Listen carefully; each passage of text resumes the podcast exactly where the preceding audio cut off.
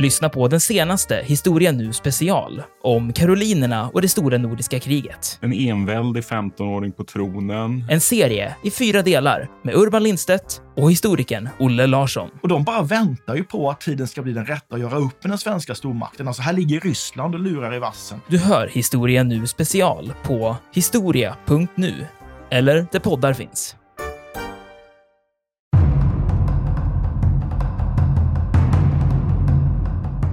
Det faktum att man lyckas så väl med att släppa allting på, på en ganska koncentrerad plats är också mm. det som leder till ja. nederlaget. Vilket är ironiskt. Att, att, ja. jag menar, under Normandie, där kommer jag ihåg när vi pratade om det, att ett, ett, ett lyckosamt konsekvens av att de sprider ut över sådana områden var ju att tyskarna inte lyckades koncentrera sin attack. De visste inte var liksom centrumpunkten var. Men här i Market Garden ser de ju så tydligt att det är just i det här området, vilket gör att de kan koncentrera sina motattacker just där.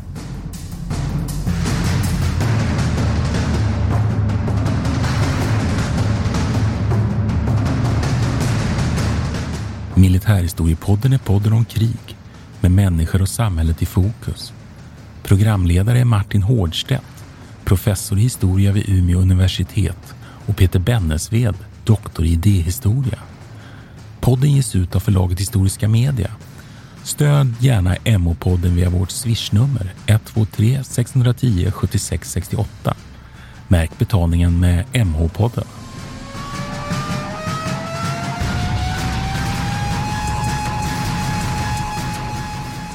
Ja, välkomna till Militärhistoriepodden. Jag heter Martin Nordstedt.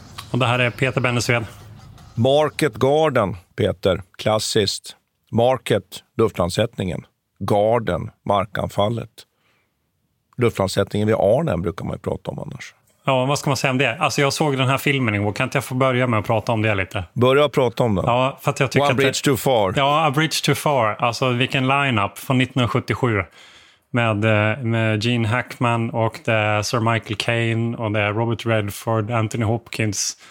Eh, och eh, ska vi säga, Sean Connery är med också. Den helt bra. Faktiskt Liv Ullman är med på ett, på ett eh, litet... Eh, hon spelar någon slags holländsk godsägare här. Ja, men alltså, det var en sån fantastisk upplevelse att titta på den här gamla rollen. Kanske framför allt för att de, den här typen av film som gjordes på den tiden, att de verkligen var tvungna att eh, iscensätta liksom, själva kriget på ett helt annat sätt än vad man gör idag. Idag är det mycket datorgenererad grafik. Men här var det verkligen tusen pers i luften som de filmar. Och de har också med sig kameran upp i luften. Så de har faktiskt filmat när de hoppar från de här flygplanen och eh, glidflygarna. Väldigt, väldigt imponerande.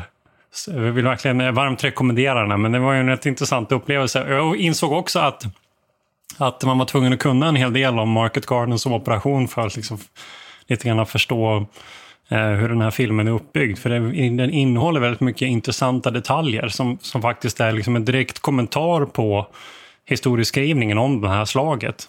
Till exempel hur de skildrar den här Frederick Boy Browning och hans planering av den här eh, operationen. Och Urquhart och när han försvinner några dagar i, i, uppe i Arnhem. Eh, och lite sådana små episoder som är rätt intressanta. Den polska den här landningen på fel sida älven eller floden. Och och lite Vi kan återkomma till alla de här detaljerna, men jag tycker vad det... Har du sett den Martin? Jag har sett den. Det är ganska länge sedan, men det man funderar lite på där nu, ska vi utforma det här då till så att säga en guide till att se den här gamla filmen? Ja. nu har jag sålt in det lite på det viset. ja, faktiskt. Men, men då är ju frågan så här, upp, eh, eh, det, det, kan vi kanske komma till sen, att eh, det är klart det finns problem med en sån här film. Att den är, den är ju gjord, det är ju ett, liksom ett uttryck för hur man ser på det här i, i en viss samtid, eller hur? Visst är det ju så? Det är ju en 70-talsfilm, visst är det ju det. Och, mm. och eh, vi kan väl återkomma lite till det där. Men, men man kan väl säga så här, om vi ska fånga in liksom helheten här. Vi har ju tidigare behandlat det som ju blir helt enkelt eh, falläslaget nere i Frankrike, där tyskarna går ordentligt, får man ju säga, på pumpen och förlorar ju egentligen ett stort pansarslag i, i, i centrala västra Frankrike. Tvingas ju utrymma eh, Paris och egentligen kryper i stort sett innanför sina riksgränser men håller ju fortfarande Holland, skulle man kunna säga då i lite enkelt uttryckt, eller hur? Va? Och det här området då, väster om Antwerpen, liksom vattenvägarna in, Skele, mynningen den är fortfarande då i, i tyska händer. Och det man nu funderar på på allierad sida det är hur, hur ska man nu snabbast, effektivast, utan för stora förluster, slå sig igenom helt enkelt eh, Sigfridlinjen eller det som är nu den nästa tyska försvarslinje och ta sig in i, i tyska riket och gå mot Berlin. För här finns det ju en kapplöpning också, ska vi komma ihåg. Men det finns ju någon slags dröm här om mm. att man ska kunna avsluta det här kriget inom, vad är det, 100 dagar eller något Just det. Och, och att, att man ska kunna klara det här innan jul. Och att det, det spelar ju in i deras planering en hel del. Och att man tänker sig att det, här att det är på något vis genomförbart. Eh, och den här, mycket av den här konflikten som, som diskuterar då huruvida vilken, ja, vilken väg man ska, ska ta har ju lite med det där att göra. Hade man liksom förstått redan från början att det här kommer ta ytterligare ett år, då kan man ju fundera över vilken typ av... Om det hade blivit en annan typ av eh, slag eller en annan typ av operationsplanering. Det, det, tror jag ju. Och den kapplöpning jag ju så att säga anspelar på här är ju den mot Sovjet, att komma fram till Berlin. Då. Och där kan man väl säga direkt att Montgomery har ju en övertygelse, en idé om att man med en spjutspetsoperation ska kunna öppna upp den tyska fronten, slå sig igenom faktiskt Holland, eh, genom eh, de här flodövergångarna då vid, vid Nijmegen och vid Arnhem och runda det, det, det, tyska försvaret som finns i Ruhrområdet, inringa det och få det att antingen kapitulera i bästa fall eller att retirera. Och då kommer man minska liksom Tysklands möjligheter att fortsätta kriget och på det sättet så ska man då kunna uppnå den här visionen om att, att nå Berlin inom 100 dagar, få slut på kriget inom 100 dagar. Men är inte det så precis det... samma sak som tyskarna själva gjorde också? Alltså det är samma planering fast åt andra hållet? Ja, alltså... du tänker i maj 40? Ja. Man tänker, ja det, det, kan man väl i och för sig tänka sig, att man, gör, man, man, man slår hål och sen rullar man upp motståndaren. Absolut. Och man, tänker sig väl också att, att från, från allierad sida att här är inte tyskarna heller fullt ut beredd på att man anfaller. Men mot den här idén Montgomery, det är ju så att Montgomery får ju tjata faktiskt på Eisenhower. Och det här kommer en liten formell sak och den är ju att Montgomery blir ju han är ju chef för markoperationerna, men här lämnar han formellt över det till Eisenhower och blir ju egentligen underställd honom i det här skedet av kriget. Och nu, nu blir vi framme ungefär kring den tionde Ja, men det där kan vi, det september. Kan, jag, jag kan kommentera ja. på det där. För att det är intressant där. För det som för händer... Det, det, är så formellt, det är ju så formellt faktiskt. Att Montgomery kliver ner och att Eisenhower övertar ju ansvaret även för markoperationerna nu då. Efter landstigningen i Normandie. Då. Och det där har med en överenskommelse som de gjorde innan. Att det landet som har mest trupper involverade är de också, det är också det landet som ska så säga, leda operationen. Så vid det här laget så, är, så det uppstår ett problem för britterna att de har helt enkelt inte nog med folk för att kunna liksom hävda sin ställning och blir helt, tvungna, helt enkelt tvungna att lämna över taktpinnen till Eisenhower i den här frågan. Jag tror att också att Montgomery han blev utnämnd till fältmarskalk som en slags ja, consolation ja. prize här för Man smörjer honom lite. Man smörjer upp honom lite helt enkelt där faktiskt. Quality sleep is essential. That's why the Sleep Number Smart Bed is designed for your ever evolving sleep needs. Need a bed that's firmer or softer on either side? Helps you sleep at a comfortable temperature? Sleep Number Smart Beds let you individualize your comfort so you sleep better together. JD Power ranks Sleep Number number 1 in customer satisfaction with mattresses purchased in-store. And now, save 50% on the Sleep Number limited edition Smart Bed for a limited time. For JD Power 2023 award information, visit jdpower.com/awards. Only at a Sleep Number store or sleepnumber.com. Hey, I'm Ryan Reynolds. Recently, I asked Mint Mobile's legal team if big wireless companies are allowed to raise prices due to inflation. They said yes. And then when I asked if raising prices technically violates those onerous two-year contracts, they said, "What the f*** are you talking about? You insane Hollywood ass." So to recap, we're cutting the price of Mint Unlimited from $30 a month to just $15 a month. Give it a try at mintmobile.com slash switch. $45 up front for three months plus taxes and fees. Promo for new customers for limited time. Unlimited more than 40 gigabytes per month. Slows. Full terms at mintmobile.com. A lot can happen in three years. Like a chatbot may be your new best friend. But what won't change? Needing health insurance. United Healthcare Tri-Term Medical Plans, underwritten by Golden Rule Insurance Company, offer flexible, budget-friendly coverage that lasts nearly three years in some states. Learn more at uh1.com. Men vi kan väl säga någonting också om Patton här, för det, för det här är intressant att Ja. eh, det finns ju en konkurrerande teori då. Att Montgomery han vill göra den här spjutspetsattacken, en dagger attack, eh, på, rakt in i Holland då, så säkra de här broarna och sen kunna gå, vända ner mot Ruhrområdet. Men, men Patton på sin sida, han har ju en, och Eisenhower då, de har väl en annan plan om att de ska sätta tryck på hela Sigfridslinjen egentligen. Och se vad de kan, liksom, eh, vad de möter minst motstånd och sen sätta in en kil där. Vilket är en liten annan typ av taktik. Ja, frammarsch på bred front helt enkelt. Och, så det här är en väldigt sån där liksom klassisk, två, två olika idéer om att, att vinna nu då den här eh, den operativa eh, situationen i, i, i Västeuropa. Och där är det märkligt att Eisenhower eh, han lägger sig ju faktiskt för Montgomery. Jag vet inte riktigt om det kan ha varit så att man tänkte ändå att tänk om det funkar det här. Tänk om det Nej, går men jag att vet inte, jag får, jag får intrycket av historieskrivningen att det här handlar väldigt mycket om kompromisser. Att han, han eh, jag läste en ganska, ganska mm, inte så smickrande artikel som handlar just om den här fejden då. För det finns ett väldigt speciellt möte här den 10 september 1944. Då Montgomery, eh, Patton och eh, Eisenhower möts då tillsammans med deras andra stabsofficerare. Och, så, och det är i det här läget då som Montgomery tydligen har, har övertygat Eisenhower om detta. Men då den här författaren som heter Watts, tror jag, eh, Martin Watts, eh, han, han menar att det här är, liksom, det är ett, ett genomgående drag i Eisenhowers sätt att, att leda den här alliansen. Att han eh, är väldigt noggrann med vilka ord han använder och att väldigt noggrann med att nå kompromisser av olika slag. Och de här kompromisserna är inte så populära. Och, eh, och, och sen var det då en ständig liksom, log, logistisk tvist här mellan Patton och Montgomery. Att de ena, de vill, den ena vill ha liksom den andres resurser hela tiden för att kunna genomföra de här offensiverna. Och att eh, Eisenhower då försökte på olika vis nå de här eh, kompromisserna. Och det är väl en av, det säger man också, en av orsakerna till att det här kommer, kommer att bli ett stort misslyckande.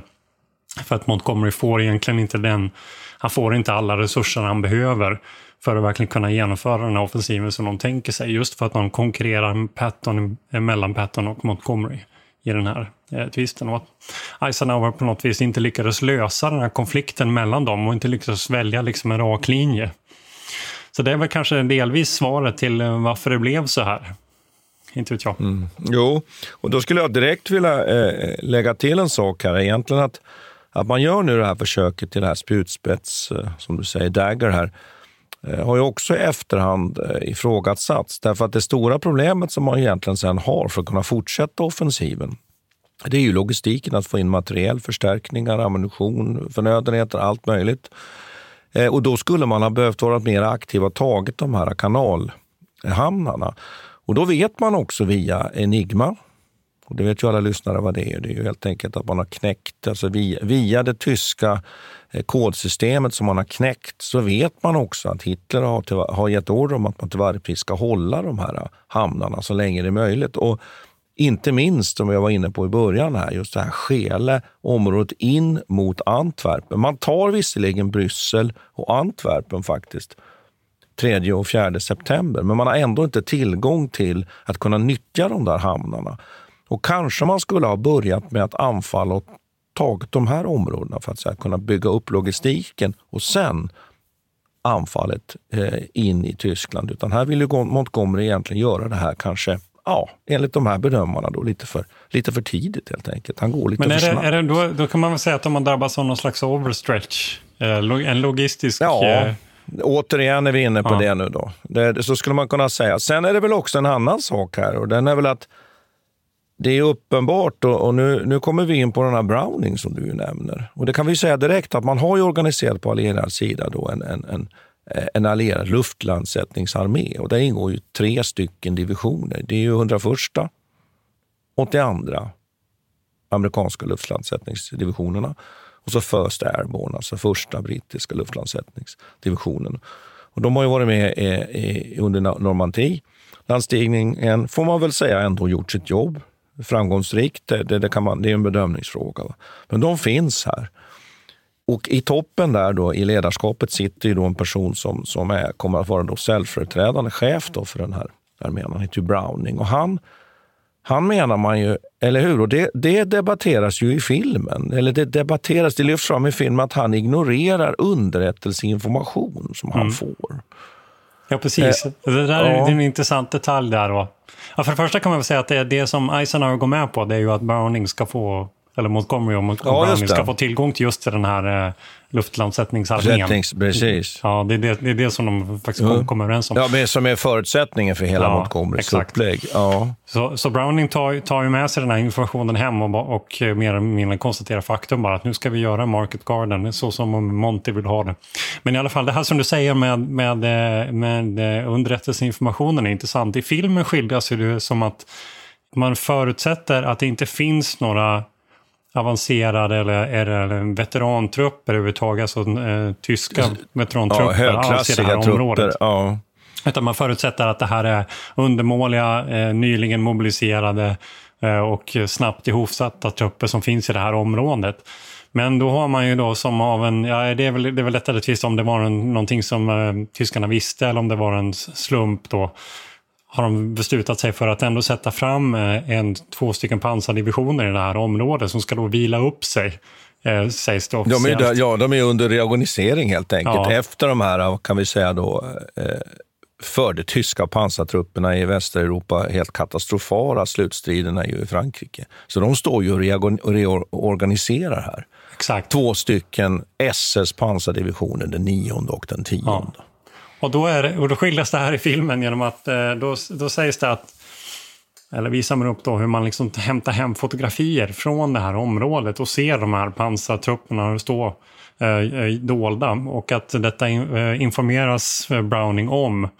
Men att han då väljer att ignorera det. Han, han påstår då att ja, men det här har sagts, eh, det har sagts förut och det har tagits så många foton och ingen har sett några pansartrupper. Ska vi ställa in hela det här på grund av eh, fyra foton som du nu eh, precis har plockat fram. Varpå den här underrättelseofficeren då viker sig. Och, och, och sen, sen blir bortplockad från den här operationen. Så, och det, är där, och det där är ju intressant då, huruvida det, det stämmer eller inte. Jag har inte, jag har inte haft tid att undersöka huruvida vad de andra påstår om detta. Men det har ju, han har ju inte framstått som, som att han är någon hjälte i alla fall i den här sagan. Nej, men det är ju helt klart att man är ju inte medveten om att nu är det så att de här två pansardivisionerna har ju inte det antalet eh, stridsvagnar som de ska ha, men de har tillräckligt många stridsvagnar och fordon för att göra, utgöra ett hot. Och det är ju klart att man är ju, när man landar där så är man omedveten om det här. Så är det. Och att man ju uppenbarligen inte har dragit rätt slutsatser av underrättelserapporteringen. Sen kan man väl också säga att det finns ju lite andra trupper här bland 3000 fallskärmsjägare faktiskt, tyska som har hållits i reserv. Så det finns en del trupper i området och framför allt är det ju så också att man är ju rädd för om man nu kliver på längs den här vägen upp mot Arnhem, alltså via då Eindhoven, Nijmegen mot Arnhem, så måste man också ha ett flankskydd. För det finns ju tyska trupper i områden här som kommer ju också att eh, påverka den här operationen och sätta tryck som gör ju att den här markoffensiven då som genomförs då av den här 30 eh, brittiska mekaniserade armékåren då, längs med vägen, den kommer ju också stoppas upp. Så det är ju flera saker här som sätter käppar i hjulen. Men Men du ska vi, det du säger nu, jag undrar, Mm. har vi gett lyssnarna någon slags begriplig förklaring över vad exakt man är man tänkt man ska åstadkomma? Alltså hur det ser ut på marken här. Ja, Eh, man har vad tänkt sig att man ska, ja, man ska luftlandsätta tre divisioner och lite enkelt förklara ta flodövergångar helt enkelt på de här tre platserna. Eindhoven, Nijmegen och Arnhem. Och sen ska, när det så att säga är, man har fått klartecken om det, då ska man låta en markstyrka helt enkelt tränga fram längs med vägen och öppna upp den tyska linjen. Och sen så har man tänkt när man har öppnat då en, en, en bräsch i den tyska grupperingen så ska man då trycka på. Det är ju så att säga planen här. Det som är intressant tycker jag, en annan diskussion, den är att man är van vid från Normandie-operationen och man har lärt sig också efter eh, erfarenheterna som ju faktiskt tyskarna gör på Kreta och där har vi ju kört ett avsnitt om faktiskt luftlandsättningen på Kreta. Att det är inte att rekommendera att släppa så att säga, de här luftlandsättningsförbanden i huvudet, om jag uttrycker mig så, på, på fienden. För det går ju riktigt illa för tyskarna på Kreta. De tar ju Kreta men de har enorma förluster. I Normandie där har man samtidigt släppt de här luftlandsättningstrupperna på väldigt, väldigt stora områden.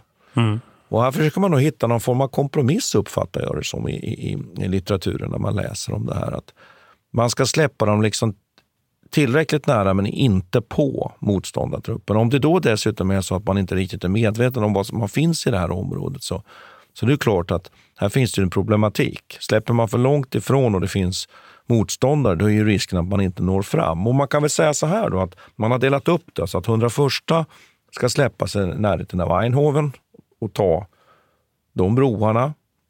Och Det kan vara viktigt att veta här att i en del av de här fallen så är det inte bara en bro, utan det är flera broar.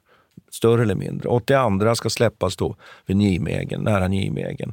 Och sen ska man då släppa första brittiska luftlandsättningsdivisionen vid Arnhem. Och, och, och faktiskt ett litet bit från Arnhem, strax norr om Arnhem, Arnhem då på, på, på sådana här speciella ytor. Och det är ju väldigt enorm planering här måste jag säga. Det är väldigt sofistikerad planering. Man har Ja, sådana drop På väldigt kort zones. tid också. Ja. De, de övar inte det här heller innan. Ja, jag, tog, jag tog del av faktiskt en sån här äh, inflygningskarta, hur de, har- eh, en karta över hur de hade tänkt sig inflygningen här. Ganska spännande just då de här zonerna de skulle släppa, ganska komplicerat. Och de måste ju tajma det här, de måste ha kommunikation och det måste ju bli någon form av ordning ändå i det här organiserade kaoset som det här ju innebär. Och då tänkte jag bara, man kan ju nämna hur stora kvantiteter det handlar om. Att man kommer alltså att släppa då 34 600 man. Det är ju väldigt mycket, Peter. Det är naturligtvis den största luftlandsättningsoperationen som har genomförts. Då. Och av de här så kommer 14 600 med glidflygplan. Där har vi varit inne på förut i våra poddar. Att man helt enkelt boxerar glidflygplan som man släpper som sen tar sig ner. Då. Och 20 000 man släpps i fallskärm. Ganska häftigt måste man väl ändå säga. Ja, det är otroligt. Ja, alltså, vilken scen det måste ha varit att Ja. se alla dessa flygplan och alla dessa fallskärmar i luften. Och sen 1700 fordon. Och 260 drygt artilleripjäser, bara för att ge några, några eh, siffror här. Men du, får jag Och det- kommentera på det där Ja. som du sa om avståndet också och eh, de här landningszonerna? För det, det där är ju en diskussion som man har haft då sedan dess. Där man försökt förklara varför det här misslyckades. Ja, avstånden mellan landningszonen och eh, Ja. målet. Ja, ja, precis, och att det här till exempel uppe i Arnhem så, så pratar vi 13 kilometer från, från bron till landnings... Ja, det var också lite ironiskt. Och det var kul att du nämnde de andra, eh, både Kreta och Normandie också. För någonting som, som man ser här är ju att det faktum att man lyckas så väl med att släppa allting på, på en ganska koncentrerad plats är också Mm. det som leder till Ja. nederlaget. Vilket är ironiskt. Att, att, Ja. jag menar, under Normandie, där kommer jag ihåg när vi pratade om det, att ett, ett, en lyckosamt konsekvens av att de spred ut över sådana områden var ju att tyskarna inte lyckades koncentrera sin attack. De visste inte var liksom centrumpunkten var. Men här i Market Garden så är det så väldigt tydligt. Dels får de ju reda på hela, hela planeringen eh, på grund av att de kommer över en sån här, ja, men kartorna och allt där. Men då ser de ju så tydligt att det är just i det här området, vilket gör att de kan koncentrera sina motattacker just där. Vilket gör att de här personerna, eller de, de blir tvungna att, eh, så att säga, bygga upp ett försvar runt sina landningsplatser också, som delvis misslyckat. Så det blir en, en ödets ironi här, att man har blivit bättre på att genomföra de här, den här typen av Släppen, så att säga. Ja, Ja. eh, och, och, men det Mm. leder också till att man blir mer känslig då. Och sen är man väldigt noggrann med att man ska undkomma flack och eh, eh, ja, luft, luftvärnsartilleri artilleri av olika slag. Och det gör att man också tar det lite mer säkert. Jag vet han Urquhart säger ju senare att det hade varit bättre att egentligen offra mer och komma närmare. Att göra mer riskfyllda landningar och komma närmare målet än att eh, landa på långt ifrån. Och, ja. Mm. Eller för, ja, precis. Så, då ska vi säga att Urquhart eh, är med första brittiska Airborne Ja, precis. Division. Ja, det kan vara. Spelas av Sean Connery i filmen. Det är ju härligt. Alltså, det är klassiskt. Det är väldigt klassiskt. Jag hoppas att lyssnarna tittar på den här filmen. Så. Han är grym alltså. If you thought the only way to get a more defined jawline with natural looking results was through surgery, think again. Juvederm Volux XC is a non surgical injectable gel filler that improves moderate to severe loss of jawline definition and can help you achieve natural looking results with little downtime. Even better, this improved definition lasts up to one year with optimal treatment. No maintenance required. Improve jawline definition for a smooth, sculpted look with Juvederm Volux XC. For important safety information and to find a licensed specialist, visit juvederm.com. That's J U V E D E R M.com. Not for people with severe allergic reactions, allergies to lidocaine, or the proteins used in Juvederm. Common side effects include injection site redness, swelling, pain, tenderness, firmness, lumps, bumps, bruising, discoloration, or itching. There's a risk of unintentional injection into a blood vessel, which can cause vision abnormalities, blindness, stroke, temporary scabs, or scarring. Talk to a licensed specialist to find out if it's right for you. You should celebrate yourself every day,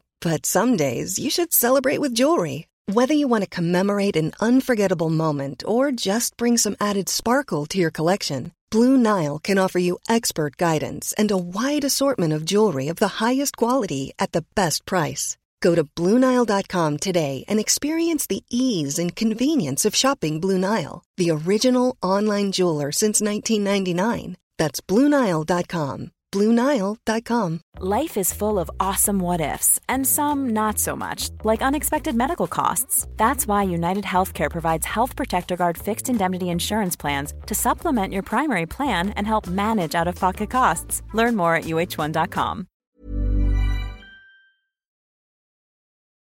Problemet uppe vid Arnhem är också att man släpper i olika omgångar. Och är det så att man också sen, som det kommer bli, då, så är man under tryck från fienden. Så i några av de här tillfällena så släpps ju alltså trupp ner över en landningszon samtidigt som den landningszonen då försvaras av eh, egna trupper mot tyska anfall. Och det kan man ju bara fundera på, på det, hur det kaoset såg ut. Då. Så att väldigt, väldigt komplicerad operation och väldigt svåra omständigheter. Och sen kommer ju vädret också att spela Just eh, de allierade spratt här, därför att man kan inte när man sen fyller på med trupp och kompletterar, ja, då, vädret, då, då blir man försenad. I vissa fall så är det faktiskt att de där förseningarna spelar de allierade i händerna därför att man lyckas återta landningszonerna på marken. och det hinner man därför att nästa dropp kommer för sent, men i rätt tid då, därför att man har återtagit de här zonerna som tillfälligt tas av tyskarna. Då. Så det finns många aspekter på det här och det är komplicerat. Sen en sak, annan sak som ju ställer till det Ja, jo, jag ska säga det också att just det, att jaktskyddet, eh, det är ju det som är problemet. Man kan inte få luftunderstöd, eh, luftunderstöd och man kan inte heller få luftunderstöd på marken därför att de ser inte och de har stränga order att inte bekämpa några mål på, på marken och de är inte säkra på att det, att det är fienden så att man så att säga, inte bekämpar egen trupp. Så det finns många problem där. Sen, sen kan man också konstatera att, att sambandet ju eh, direkt lägger av. Det är inte rätt inställt, radioapparaterna. Man kan inte få kontakt mellan de som landar på marken och flyget för, för luftunderstöd, som jag alldeles nyss var inne på. Det är också så problemet i Arnhem, att där delas, ju, eh, eh, delas divisionen på två områden. De har inte kontakt med varandra. Den första då, delen som släpps. Och då är det ju så att en av bataljonerna lyckas ju ta sig in i Arnhem och ta faktiskt det norra brohuvudet, men har inte kontakt med övriga delar. Sen får man det så småningom via det civila telefonnätet och så vidare. och så vidare och så vidare. Och man får till och med till slut då också kontakt med den här markstyrkan som ju är på väg nu söderifrån via Eindhoven och Nijmegen. Men man kan väl konstatera att släppet sker den 17 september, va? eller hur Peter? Mm. Eh, och där kan man väl säga då att det går ju ändå då utan att gå in på detaljer, så går det eh, vägen när det gäller då Eindhoven och Nijmegen. Och man tar ju de broarna. Eindhoven ganska omedelbart har man kontroll över den. Och Nijmegen då den 20 september som har kontroll över Nijmegen. Ja, det är efter viss, eller ganska mycket försening då tyvärr. Det, men men så de, är det ju. de tar det och, så småningom. Och markstyrkan då är, är ju på väg då upp och, och markstyrkorna har ju faktiskt nått då faktiskt eh, Nijmegen och fortsätter från Nijmegen den 21 september. Men problemen uppstår ju vid Arnhem. Där man lyckas ta, som jag precis alldeles nyss säger, då, eh, det norra brohuvudet, men man kommer inte längre. Så småningom vaknar tyskarna till och man isoleras egentligen i de västra delarna i staden Arnhem, Osterbeck. Där blir man liksom inringad och bör, får helt enkelt inrikta sig på att försvara sig. Det, det, så är det. Och man kan säga att där finns ungefär då 3500 man i Osterbäck. Och sen, sen gör man då vissa försök nu för att lösa ut den här problematiken. Då. Det ena är att man kan få visst eldunderstöd då från den här 30 kåren söderifrån. Deras eh, artilleri kan faktiskt nå och understödja. Men det är ju svårt att leda indirekt eld mot tyskarna, eh, särskilt i stadsbebyggelse. Det är en klassiker om man är lite bevandrad i militära ting. Och sen gör man ju ett försök att släppa förnödenheter. Där hamnar egentligen det mesta till tyskarna. Men sen bestämmer man sig för att komplettera då med polska trupper. Och det det är ganska fascinerande. Vem är det som spelar den där polska befälhavaren? Ja, Gene Hackman. Han gör ett uselt arbete får jag säga. Nej, men det här, du är inte nöjd där? Nej, han är ju kass. Och så ska han försöka prata liksom med någon slags eh, påhittad brytning. Ja, det är så dåligt. Men, men eh, ja, han, han, får ingen Oscar. Men däremot Anthony Hopkins så spelar John Frost som sitter fast här i, i mitt i Arnhem. Just det. Eh, ja, han, ja. han gör ju ett enastående arbete faktiskt. Ja, och, och han heter ju Sosabowski, den här chefen för den här polska. Och den, den, den, eh, den fälls, men ham, hamnar ju då på södra delen, eh, eh, söder om floden och försöker ta sig över till de här brittiska fallskärmsjägarna som finns då på andra sidan. Och det här är ju ett drama i sig. Eh, därför att det där går ju inte bra. Man har enormt stora förluster. Det är bara liksom hundratals soldater som lyckas så småningom ta sig om. Och det är ju där man egentligen eh, sysselsätter sig med då, de här dagarna. Den 22, 23, 24, 25. Så gör man förtvivlade försök då att undsätta de brittiska trupperna. Och det, det är bara att konstatera att tyskarna är helt enkelt för starka. De håller emot, de inringar brittiska soldaterna och de lyckas också försena, fördröja den här markoffensiven från den tredje armékåren som ju är på väg. Och till slut kan man väl konstatera här då att eh, bara för att föra det här i mål nu då, att man den, den 25 fattar beslut om att dra ur helt enkelt först det som är kvar. Och det är 2000 som undkommer och den där urdragningen är ju väldigt dramatisk. Den skildras ju i filmen, eller hur? De simmar Men ju över både, floden. då, är, Mm. då är det han Urquharts hela Ja. styrka som är fast Ja. där i... Ja. Och som de då lyckas dra ur. Och det är 2000 som undkommer. De har räknat på att det stupar 1000 och 6000 ger sig fångar. Och nu pratar vi om First Airborne. Så menar, den, den divisionen är ju, är ju egentligen borta efter den här operationen. Och den blir borta mer eller mindre för resten av kriget också. Ja. Och visst är det väl så att den sen sätts in i Skandinavien sen så Jo, småningom? Ja. precis. De, de blir ju så totalt decimerade här, så det uppstår ju sen ett problem då man inser att man kommer egentligen inte kunna återskapa den här styrkan överhuvudtaget. Så de, de, de, eh, behöver, de är inte med i några stridigheter de närmsta månaderna alls. Men sen under våren 1945 så sätts de faktiskt in i Danmark, eller en del av, av eh, First Airborne sätts in där i Danmark för, för att hjälpa till att rensa ut tyskarna. Men det var mer eller mindre när de redan har redan på väg bort så att säga. Och sen sätts de faktiskt in i Norge. Så deras sista bidrag till eh, andra världskriget är, är just när de hjälper till att rensa ut i Norge och ta, eh, och ta hand om alla tyska soldater där. Och avväpna dem. Så det blir deras roll egentligen. Men sen löses de upp, de finns, finns inte kvar längre. Nej, och man räknar med att förlusterna i stupade då på den här operationen är 15 000. Det, det är ganska stora siffror sammanlagt. Eh, Jag tycker det är svårt att förhålla sig till det där. Vi, vi är ju vana nu vid Ukraina-kriget som ju också är ett stort krig. Men det är stora förlustsiffror. Ja, det är det. Och det är klart att en sån här typ av... Nu, nu är ju inte det här alla från luftlandsättningsdivisionen utan det, det är ju också stupade från, från den här markstyrkan som, som tränger fram. Men du Martin, kan man liksom, det här är egentligen den sista stora luftlandsättningen av det här slaget under andra världskriget. Man gör ju flera eh, luftlandsättningar som jag förstår kanske gick ännu sämre sen. Vi kanske kan få anledning att återkomma till dem, men vad, vad kan man säga? Liksom, jag, jag upplever att att eh, eh man borde ha lärt sig mera vid det här laget egentligen. Och det är lite lustigt att eh, medan Normandie eh, liksom betraktas som ett ganska lyckad luftlandsättning Trots allt ändå. Ja. Ja, givet de förutsättningarna så, Mm. som man hade då så är det här liksom närmast en katastrof. Montgomery säger ju så här att ja, det här, den här market garden lyckades till 90 procent. väldigt fin omskrivning tror jag för någonting som egentligen var kanske var 10% bra. Jag vet inte, det beror på lite hur man tolkar det, men om, med tanke på luft, eller med förlustsiffrorna så borde han kanske ha eller det annorlunda. Ja, samtidigt är det ju så att man tar ju faktiskt de första, jag menar 101 och 82 har ju ändå framgångar och det är ju väldigt komplicerad eh, operation om och givet det så tycker jag ju att man ändå kan jo. säga att de är framgångsrika. Och sen är det ju också så här, vilket vi kan, vi har, vi, om man skulle gå in lite mer på, på detaljer och så vidare, så är det ju så också att eh, otur, får man prata om det? Eh, det är ju så att man har tänkt sig till exempel att man har en spaningsbataljon, en spaningsavdelning då, eh, med sig som snabbt med jeepar då ska ta sig in till Arnhem och ta de här broarna. Och då hade man kanske kunnat tagit bron på båda sidor direkt. Man tar ju som vi har sagt här ett par gånger då, norra fästet men lyckas inte stånga sig över på andra sidan och ta det södra fästet. Då menar man ju där att man har otur att det är just de där eh, jeep glidflygplanen som skjuts ner då och förstörs. Ja, just det. Ja, så det är ju sådana tillfälligheter här också. Jo, men så är det ju alltid i krig. Det vet vi ju sedan ja, tidigare. Jag vet men jag, det, och det är säga, jag, säger att, så här, ja. jag säger så här att den där 90% tolkningen, den håller Mm. ju bara om man så att säga har kvar det här målet om att man skulle avsluta det här kriget inom eller kanske snarare tvärtom, om man, liksom, om man accepterar att det målet är förlorat. Att vi kan inte, vi kommer aldrig kunna nå Berlin eh, innan jul. Ja, men då var det här kanske delvis vinst, varför man ändå etablerade sig, nådde liksom någon slags brohuvud in i Holland.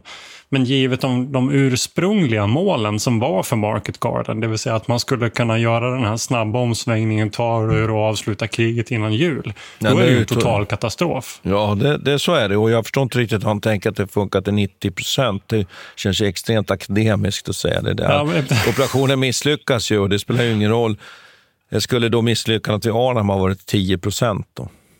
Det, det, det känns ju Ja, väldigt det var märkligt. ungefär. Ja. Men det är också, Men som jag tolkar det så är det Arnhem som också var nyckeln till Antwerpen delvis. Att det säkrade den logistiklinjen till Antwerpen. Ja, ja precis. Och, om- Antwerpen man- och har det man ju, men som som du central. säger, ja, ja, precis. Och det är ju för att, för att det finns ett viktigt då biflöde till Renfloden Mm. då, som går förbi Arnhem. Då.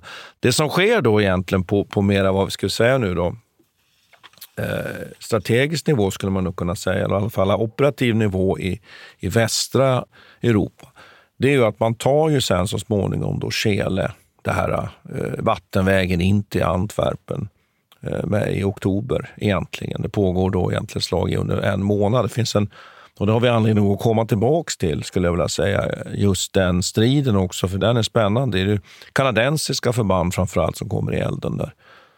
Och det gör man ju då, men det tar väldigt lång tid innan man kan börja använda de här äh, hamnarna på allvar, därför att de är så förstörda och så minerade. Och här har vi ju en, en fråga av just strategisk betydelse, som jag var inne på i inledningen. här. Den att det var kanske det där man skulle ha gjort egentligen istället för att testa den här då Arnhem-operationen. Här, va? Ja, Samtidigt precis. Men då förutsätter, ja. du, då, då är det återigen, då förutsätter du att du vet att kriget inte kommer att avslutas innan jul. Nej, precis. Det, ja, det är det, det, som ja. man vet, när man vet med liksom, eh, ja, efterklokheten att det här kommer pågå, då, det, då hade det varit ett bättre steg. Så, så är det ju med alla sådana efterkonstruktioner. Samtidigt som, jag, som man skulle man ju kunna säga, precis som du säger, det, jag förstår ju lockelsen att genomföra det här och att nyttja det här specialförbandet får man väl i någon mening säga. Det är, det är lite för stort för att vara ett specialförband ändå. Men att man har en specialresurs skulle man kunna säga i den här, eh, de här tre luftlandsättningsdivisionerna och använda dem för det här uppdraget. Eh, och det är klart att, att eh, hade det här varit en, fram, varit en framgång då, då är frågan, hade man nyttjat luftlandsättning igen? Det gör man ju inte riktigt på allvar, något mer i den här skalan under andra världskriget. Hey, it's Danny Pellegrino from Everything Iconic. Ready to upgrade your style game without blowing your budget? Check out Quince. They've got all the good stuff shirts and polos, activewear, and fine leather goods, all at 50 to 80% less than other high end brands. And the best part? They're all about safe, ethical, and responsible manufacturing. Get that luxury vibe without the luxury price tag. Hit up quince.com slash upgrade for free shipping and 365 day returns on your next order. That's quince.com slash upgrade. Får jag säga någonting om Patton också? Han tar, Ja, ju, alltså- han tar ju sig faktiskt över, för han har ju liksom en egen frontlinje och tar sig faktiskt över floden Mös. Just det. Och för, han gör ju det samtidigt som, som eh, den 17 september. Då inser han ju att jag måste sätta press också. Eh, Och hjälpa till, ja. Mm. Men sen så kan man och det misslyckas väl efter, eh, efter ett par dagar, jag tror att den 23 eller 24 eller vad blir han tvungen att dra sig tillbaka då för att han insåg att ja, men trycket är för högt. Då. Vi skulle också kunna prata lite om tyskarna i det här fallet. Det, det har diskuterats en hel del eh, om den här pansargruppen har fått för stort utrymme. Och, och det, jag stötte också på en intressant, eh, intressant formulering att att eh, ja, men eftersom den här landstigningen eller landsättningen gick ganska bra och tyskarna hade bra, men samtidigt bra underrättelse så gjorde det också att de tillbakaflyende trupperna som kom från västra Holland också kunde förstärka eh, runt Arnhem så att de fick eh, ett tillflöde av soldater som spelade en stor roll. Också nere vid striderna vid Nijmegen så var den, den 40, vad som blir 406 divisionen som fanns där som egentligen också var ett slags hopplock. Spelade väldigt stor roll för att just ta kontroll över de här eh, landningsplatserna och så. Nej, det, det, är många, det är många olika eh, faktorer. Det är intressant för Mark Garden på det här viset att det finns mycket att tvista om, kan man väl konstatera. Att eh, även nya böcker har den här eh, karaktären, att man diskuterar de här sakerna fram och tillbaka. Och man inte riktigt vet heller vad som hände på den tyska sidan för att mycket av dokumenten har försvunnit och krigsdagböckerna finns inte kvar och så här. Så det gör, det gör ju lite speciell karaktär till historieskrivningen om det och kanske en av orsakerna till att det är så ihågkommet också. Jo. Sen kan man ju också säga då att, att i och med att inte Market Garden lyckades så lyckades man ju heller inte innesluta de förband och trupper, tyska förband som fanns då i det här Skele området i älvmynningen, utan de kommer ju att efter slaget om Skele faktiskt kunna lösgöras. Så det är ganska mycket trupp. Det är 65 000 man ungefär, ish. Så att man kan väl säga att misslyckade, den den misslyckade Market Garden fick ju den konsekvensen då också kan man säga. att Hade man lyckats med det här hade man kanske också lyckats ringa in de där trupperna. Och de lyckas ju, eh, kommer ju sen att kunna användas för att liksom förstärka försvaret i väst och tysk, tyska sidan. Men, men en mycket klassisk eh, operation kan man väl säga, Peter. One bridge too far. Eh, Jag tror nästan att jag ska titta på den där gamla rullen Alltså gör igen. det. Jag Faktiskt. den är, men det är ju intressant, man kan prata om den där med filmer och eh, liksom hur de skildrar det. Jag, jag tycker att, eh, jag förstår, jag jag hade en diskussion med mina kompisar om den här filmen också direkt efteråt och jag insåg att det kräver ganska mycket. Den kräver ganska mycket av tittaren. Den har, har en närmast liksom dokumentära anspråk eller den har lust att, att kommentera liksom på själva händelseförloppet på ett sätt som gör den ganska speciell för att vara den här tidens, den är ganska gammal, från 1977. Nej, men den är ju lätt sevärd. Jag tycker det är, eh, en av de bästa scenerna är när Robert Redford då, som spelar någon eh, officer här nu i 101 eh, Airborne och ska ta sig över floden vid Nijmegen här. Och eh, det är ju så extremt heroiskt så verkligen så här cowboy-stil. De spelar mycket på den här konflikten också mellan de amerikanska trupperna och de brittiska. Eh, och skillnaden i och, eh, hur man ser på dem och så, det, det är ett tema som de, de liksom hela tiden kapitaliserar på i filmen. Ja, och jag tänker just det där du nämner nu, det är ju en sån här klassisk sekvens det där faktiskt. Just att man tvingas ju ta sig över floden och sen anfalla då upp mot det här brofästet då, som finns lite längre upp i floden. Och då använder man sig av, av brittisk båtmateriel som man aldrig har sett. Precis. Och sen, och sen genomför man ett anfall då, och det här är ju alltså nu vid Nijmegen, eh, där man då eh, tvingas ju anfalla då över två, 200 meter ungefär över öppen yta. Den brukar man kalla för det lilla Omaha Beach. Det vill säga den, eh, man anspelar ju på katastrofen på Omaha Beach då man har enorma förluster där. Och det är väl det du menar, den där co- cowboy-krigföringen där. Så det finns ju såna här guldkorn i den här. Du, du refererar ju också för mig när vi förpratade lite här om en, en scen där hur en brittisk officer eh, avslår en begäran om kapitulation från tyskarna. Med motiveringen att äh, de hade inte tillräckligt Nej, plats för alla tyska krigsfångar. Jag, jag, det var vet, jag på skulle det vara kul att veta Ja. om, den var, om den där scenen är, är liksom autentisk, om det finns en sanning ja, jag det. vet inte, var det så att tysken frågar britterna Ja, om de vill tysken, kapitulera? tysken Visst det frågar, han blir framskickad då för att fråga Ja. om, om eh, de är villiga att eh, diskutera kapitulationsvillkor. Ja, just det. Ja, men precis. Ja. Ja. Och Men britterna svarar då bara att med tyvärr, ja, det går, vi kan inte ta emot alla tyska krigsfångar. Så att, eh, precis. Ja, nej. och det där, det där är ju en sån där, det är klart att det där kan man ju diskutera, att det liksom är en form av, eh, Eh, får man väl säga tyvärr, kanske lite överromantiserad hurt, hurtighetsbeskrivning av hur krig går till. Frågan är om det är så man förhandlar. Men, men eh, vi kan väl säga så här lite, eh, när vi börjar avrunda här nu lite, att, att vi har ju några saker på gång här. Vi, vi, vi, får, ju- vi får faktiskt ganska mycket förslag från lyssnarna, skulle jag vilja säga. Och de tar vi faktiskt till oss och försöker lite peta in här. Och vi har framför oss nu, vi har tänkt att vi skulle faktiskt spela in någonting om Sepoysupproret 1857. Som är en väldigt eh, våldsam händelse i Indien med brittiska armén, måste jag säga. En av de mera våldsamma konflikter, militära konflikterna. Och sen har vi, har vi faktiskt en sak som där vi har fångat upp från, från lyssnarna som kommer om några avsnitt här. Det är klassiskt svenskt slag vid Sävar och Ratan faktiskt. 809 Just har det. vi, har vi på i listan här. Eh, Ja, jag kan inte låta bli att skratta lite när jag hör Martin. Det kommer, det Jo. kommer gå igång ordentligt. jag kommer gå igång enormt där. Och, Ja. och, eh, så att vi har några saker. Sen ångar vi på nu med vår andra världskrigsserie. Och det kan vi väl släppa redan nu, att vi har ju en liten specialare på gång när vi avverkar vårt hundrade program. Och då hade vi tänkt att, att vi skulle mm, dels göra en sak tillsammans med vår mentor, Urban Lindstedt, eller hur? Så vi har bjudit in honom.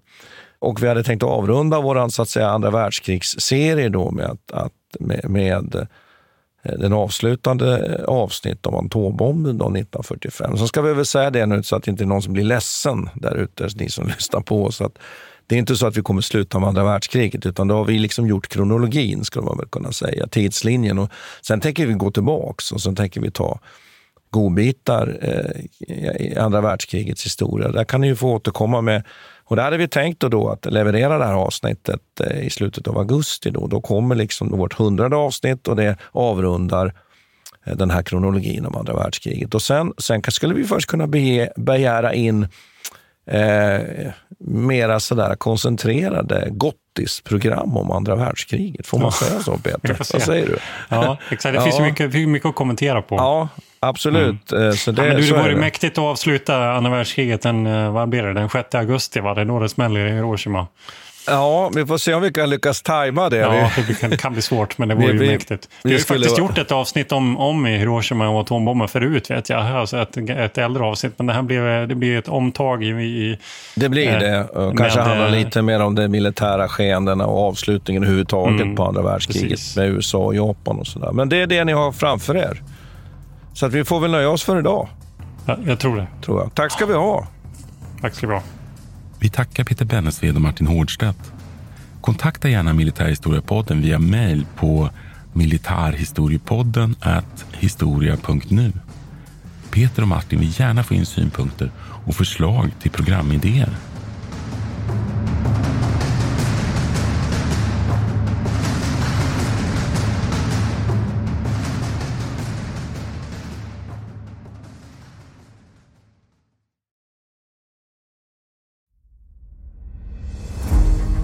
Jakob de la Gardie är den enda svenska fältherre som lett en armé till Moskva och trätt fram inför tsaren. Bedriften gjorde honom till en av 1600-talets största befälhavare. Moskvas erövrare är den första biografin över Jakob de la Gardie, en av stormaktstidens portalfigurer. Historikern Peter Ullgren följer hans stormiga bana från den föräldralösa barndomen vid 1500-talets slut till maktens topp och den mullrande statsbegravningen i Stockholm 1652. Moskvas erövrare är utgiven av förlaget Historiska Media. Ljudboken finns tillgänglig hos streamingtjänster som Bookbeat, Storytel och Nextory. Beställ den fysiska boken på förlagets hemsida historiskamedia.se eller köp den i en bokhandel nära dig.